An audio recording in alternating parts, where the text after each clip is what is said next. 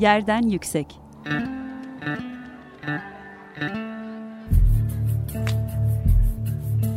Çocukların mekan algısı ve mekansal hakları.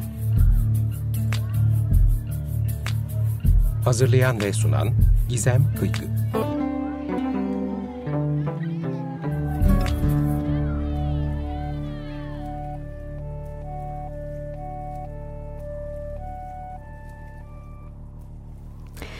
Merhaba Açık Radyo dinleyenleri. Yerden Yüksek programı dinliyorsunuz. Ben Gizem Kıygı. Ee, bugün stüdyoda e, gazeteci ve araştırmacı Ercüment Akdeniz bana eşlik ediyor. Kendisine hoş geldiniz diyorum öncelikle. Hoş bulduk. Ee, bugün mülteci çocuklar özelinde e, biraz mülteci çocukların erişilebilirlik sorunlarını ve özellikle yazın gündemimize oturan geri göndermeler çerçevesinde İstanbul'da yaşadığımız e, gerilimi konuşacağız. Evet. Türkiye'de yaklaşık 4 milyon e, mültecinin e, yaşadığını belirtiyor UNICEF raporunda açıklanan rakamlar. E, ancak e, tahminler bundan biraz daha yüksek. E, 5 milyon e, diyenler var. 5 milyonu daha aştığını söyleyenler var ve e, bu rakamın aslında beşte biri 2 ee, milyona yakını çocuk. Ee, Türkiye'de dünyaya gelen mülteci çocuklar var ee, ve de bu e, sorun aslında e, mültecilerin erişilebilirlik ve temel insani haklarına e, ulaşma sorunları çok bildiğimiz sınırlarından çok taşmış durumda. Türkiye'nin çok yakıcı bir gündemi olarak önümüzde duruyor ve çok yoğun bir ayrımcılıkla da mesele tartışılıyor. Çocuklar da bu meselenin göbeğinde ve bir turnusol kağıdı gibi adeta hem bir yandan hani çok e, işte şefkat duygularıyla acıma duygularıyla e, örtüştürülen e, bir temsiliyet üzerinden kurulan bir ilişki var. Ancak öte yandan bu temsiliyet üzerinden kurulan ilişkinin de çok çabuk ayrımcılığa e, maruz kaldığını görüyoruz. Ee, yazında tartışmalar da biraz sosyal medyada da bu minvaldeydi. Ee, şu anda neler oluyor sahada siz... E, sahada çalışan bir gazeteci olarak bu konuda çok araştırmalarınız var. E, şu an gündemine mülteci çocukların. Ee, şöyle e, e, bu insan hakları ile ilgili bir slogan var işte e, insan haklarıyla insandır diye.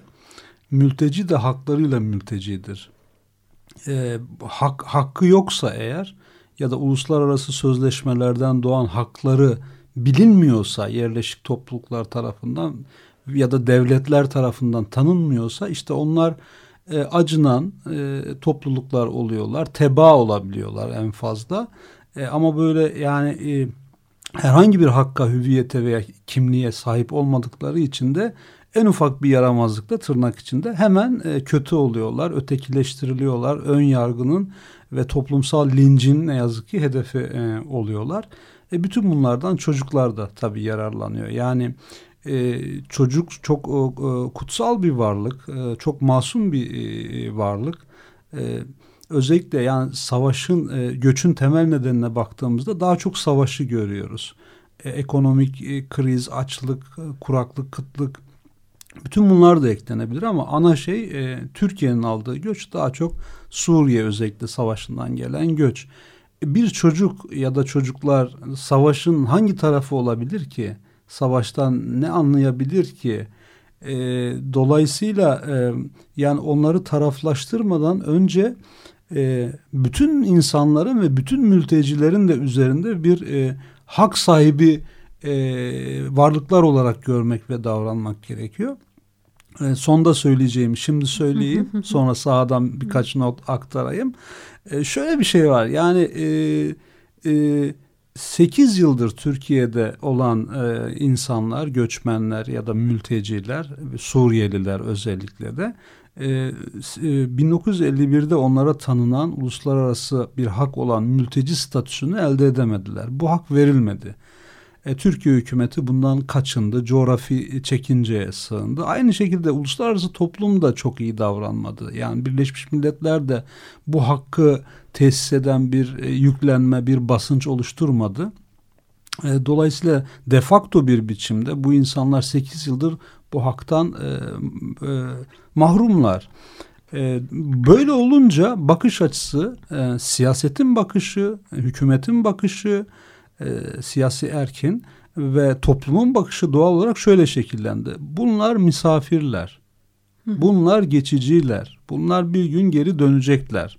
Bu bir gün çok uzadı. 8 seneye kadar geldi gerçi ama bir şekilde hep bir geri gönderme e, e, opsiyonu oldu.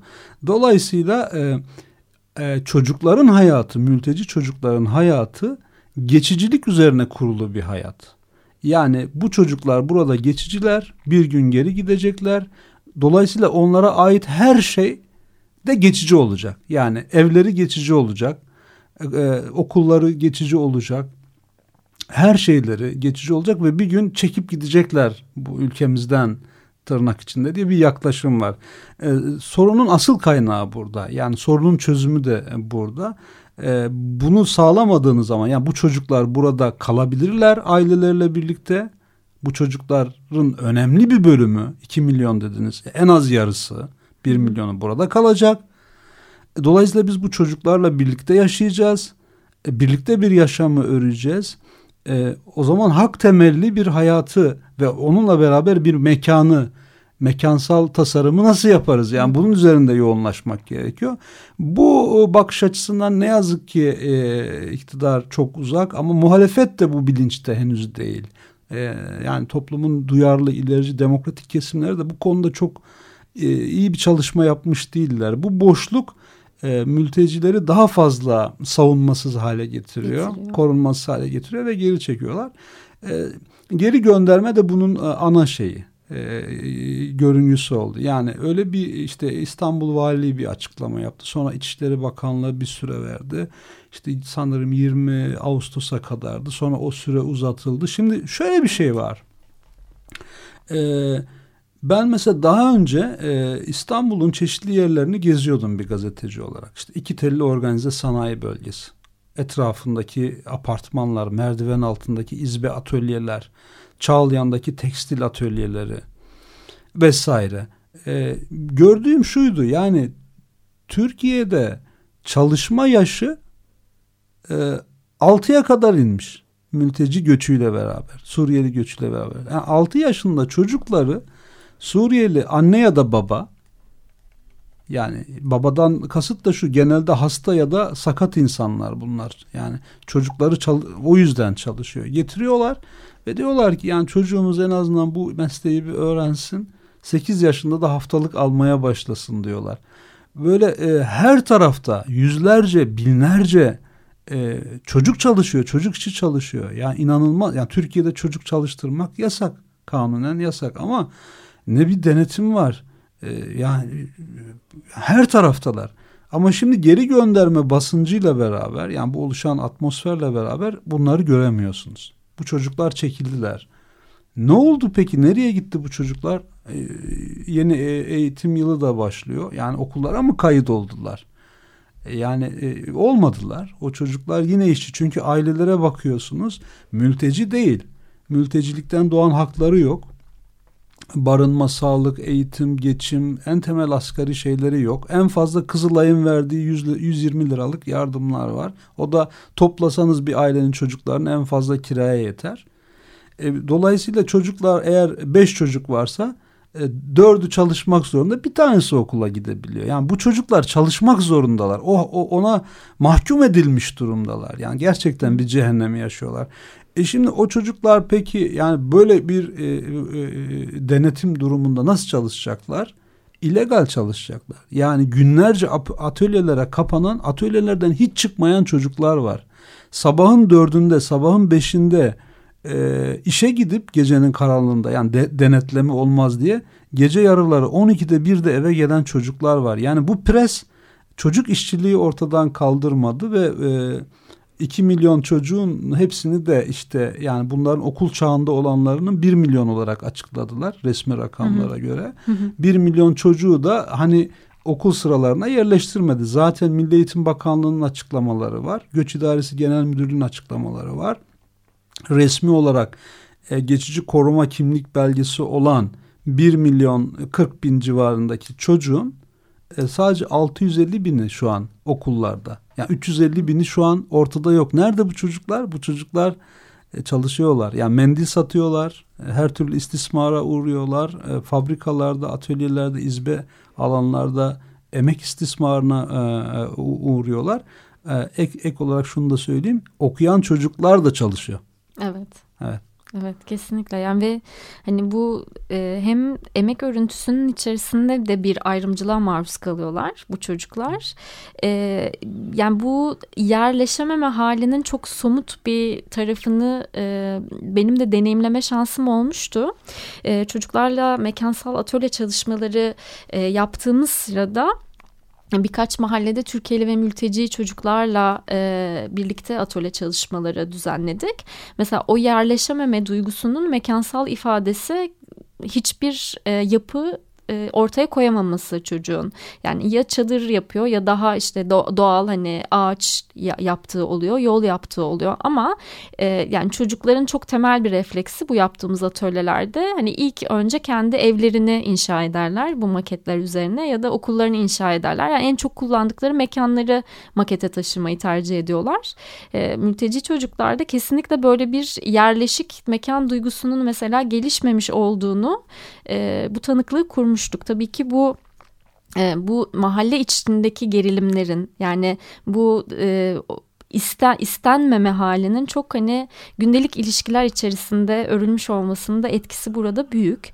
E, peki bunun bir sınıfsal tarafına baktığımızda e, nasıl bir tablo görüyoruz? Yani mülteci dediğimizde şu anda gözümüzün önüne gelen bir işte çocukla çok bütünleştirilen bir fotoğraf var. toplumun genel algısında böyle. Hmm.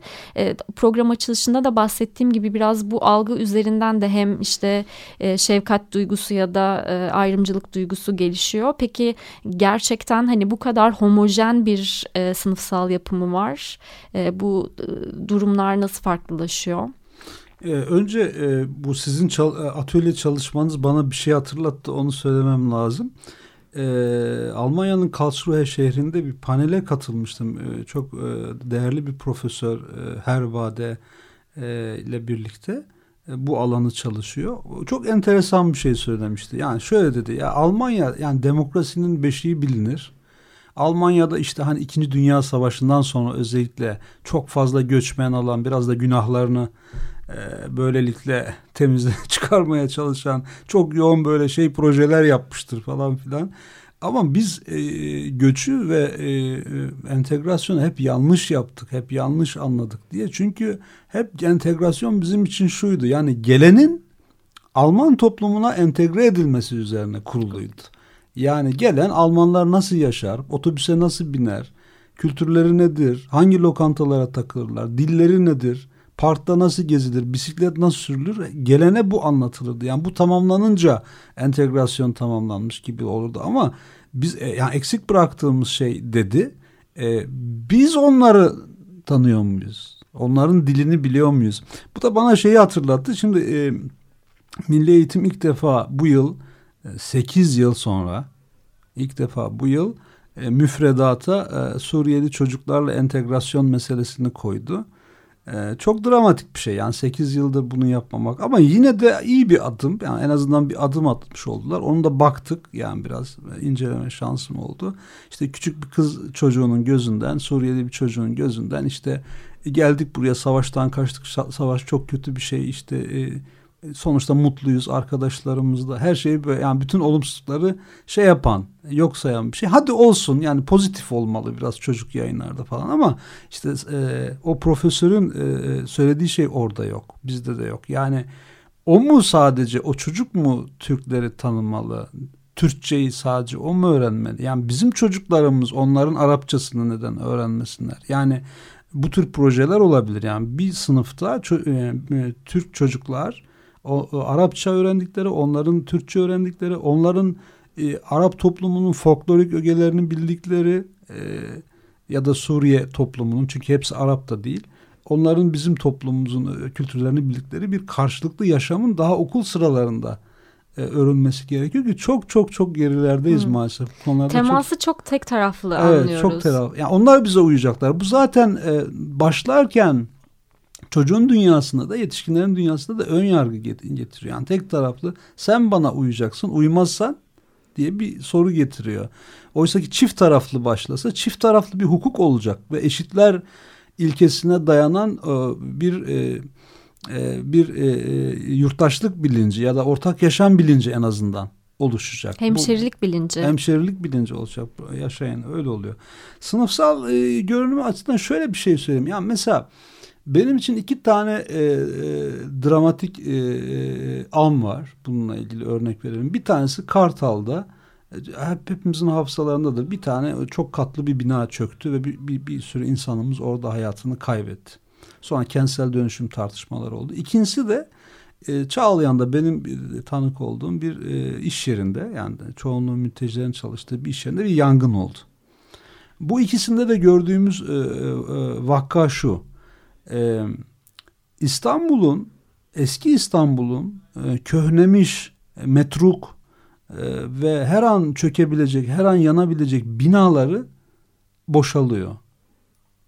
E, yani biraz durumunu düzeltenler daha iyi yerlere taşınıyorlar. E, ama oralara e, önceleri işte e, Anadolu'nun yoksulları sonra 90'lı yıllarda e, Kürt çatışmalı ortamından kaçan Kürtler şimdi ama Suriyeliler ve diğer mülteciler buraları dolduruyorlar. Yani nerede çöken bir bina görürseniz orada artık mültecileri göreceksiniz ya da nerede bir büyük patlama, bir e, fabrika, iş yeri yangını olduğunda orada mültecilerin öldüğünü göreceksiniz. Çünkü e, sınıfsal e, e, e, sınıfsal yapı da değişiyor. Yani şöyle söyleyeyim, modern sanayide modern e, işçi sınıfının bir parçası olarak henüz mültecileri göremiyoruz. Ama e, bu, bu hükümet sözcülerine ait bir kavram şimdi söyleyeceğim şey alt işlerde. Hı. Alt işler dediğimiz işte böyle yani kayıt dışı merdiven altı yan sanayi fason ve taşeron sisteminin olduğu yerler. Buralarda tarımdan işte tekstile inşaata kadar buralarda işte buraları mülteciler dolduruyor. Dolayısıyla e, e, mekanda da sınıf ayrımı kendisini gösteriyor. Yani en alttakiler en alt işlerde tam tanım bu. En alt işverenler tarafından tabii çalıştırılarak e, alt işverenler deniyor onlara. Kanunda da böyle geçiyor. E, çalıştırılarak e, e, iş cinayetlerinin, yangınların ve çöken binaların e, mağdurları oluyorlar. oluyorlar. Şöyle söyleyeyim mesela e, ben de tanık oldum. E, mesela benim oturduğum apartmanın en alt katı kömürlüktür. Hı hı. Öyle e, geçer e, imar planında. Ama oraya sürekli mülteciler e, kira ya kiralarlar. Yani Suriyeliler. Benim karşımdaki apartman da öyle. Yani İstanbul'un kömürlükleri, İstanbul'un bodrum katları onlara ait. Ne zaman bir yağmur yağsa lağım suları onları basar. Bu tabii bir sınıfsal fark. Yani bizim en yoksullarımızla yani Türkiye e, işçi sınıfının bir parçası olarak emekçilerin en yoksulları da tabii bizim insanlarımız da var orada. Tabii. Tamam. O işte gelen e, zaten göçmenlerin e, büyük kısmı yoksulları orada böyle bir sefalet kardeşliği yaşıyorlar. Yaşıyorlar. Peki sohbetimize devam edeceğiz. Şimdi bir küçük müzik arasına e, gidelim. Bugün Wild Beasts'ten Mecca dinleyeceğiz. Birazdan birlikteyiz.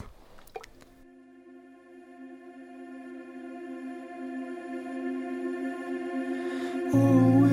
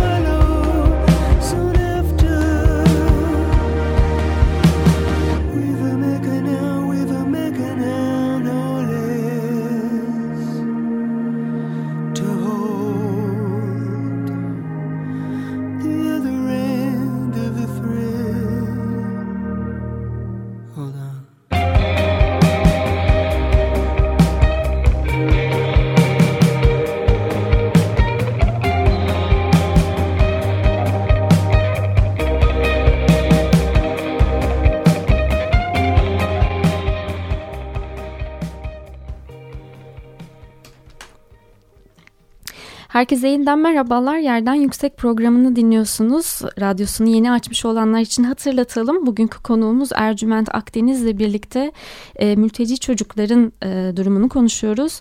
Kendisi bize sahadan e, bilgilerini aktarıyor.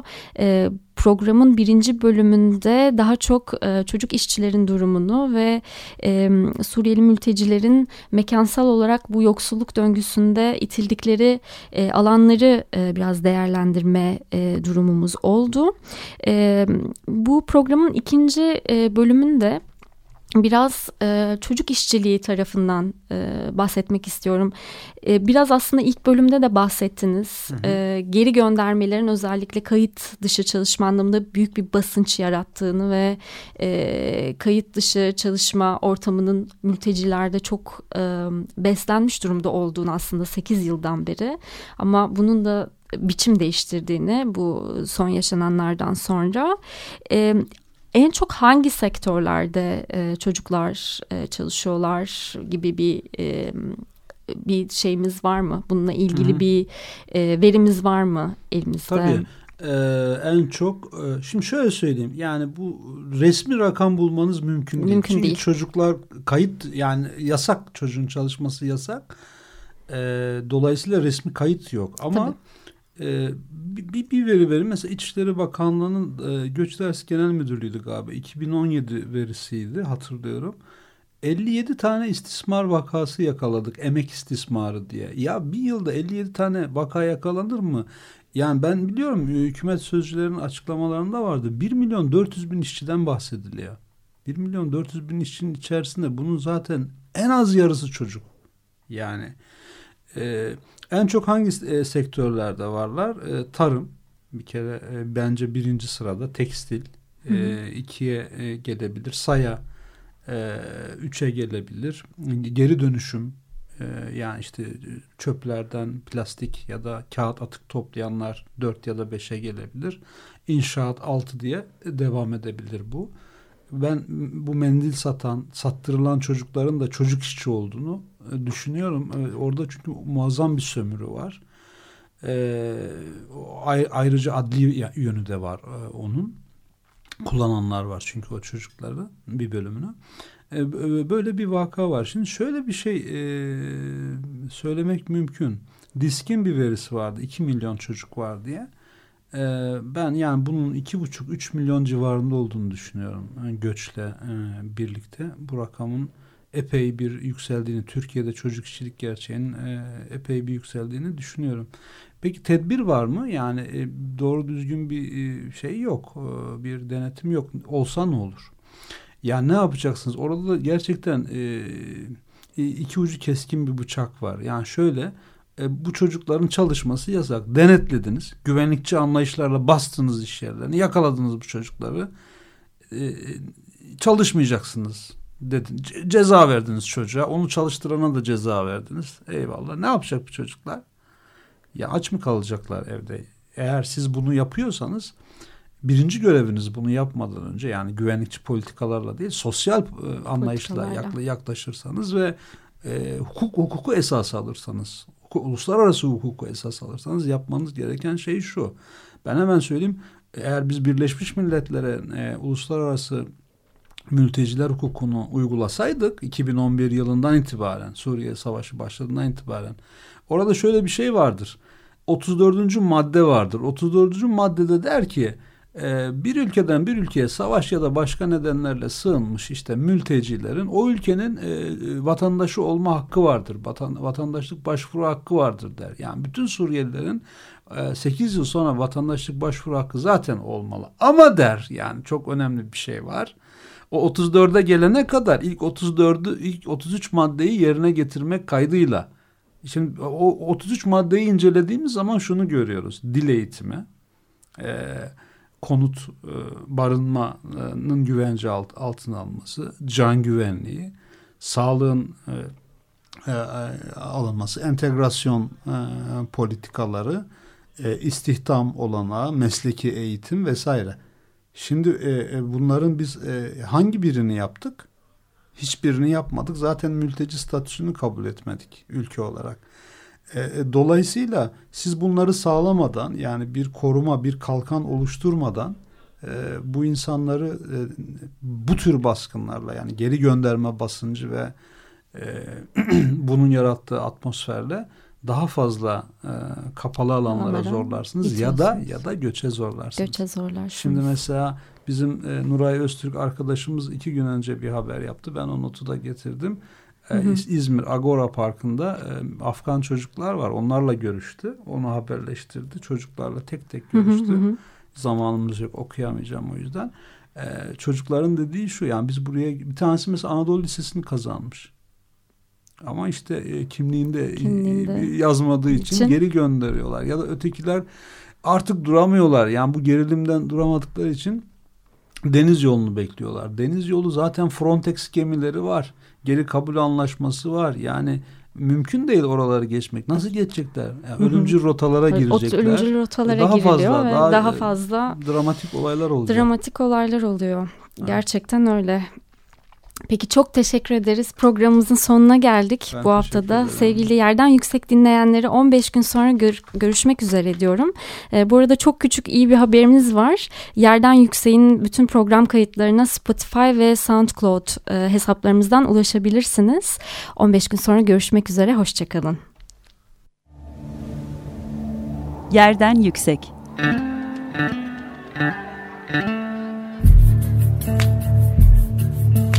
Çocukların mekan algısı ve mekansal hakları. Hazırlayan ve sunan Gizem Kıykı.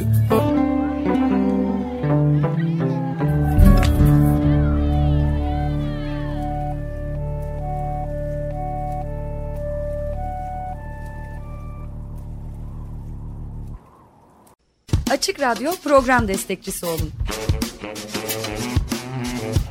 bir veya daha fazla programa destek olmak için 212 alan koduyla 343 41 41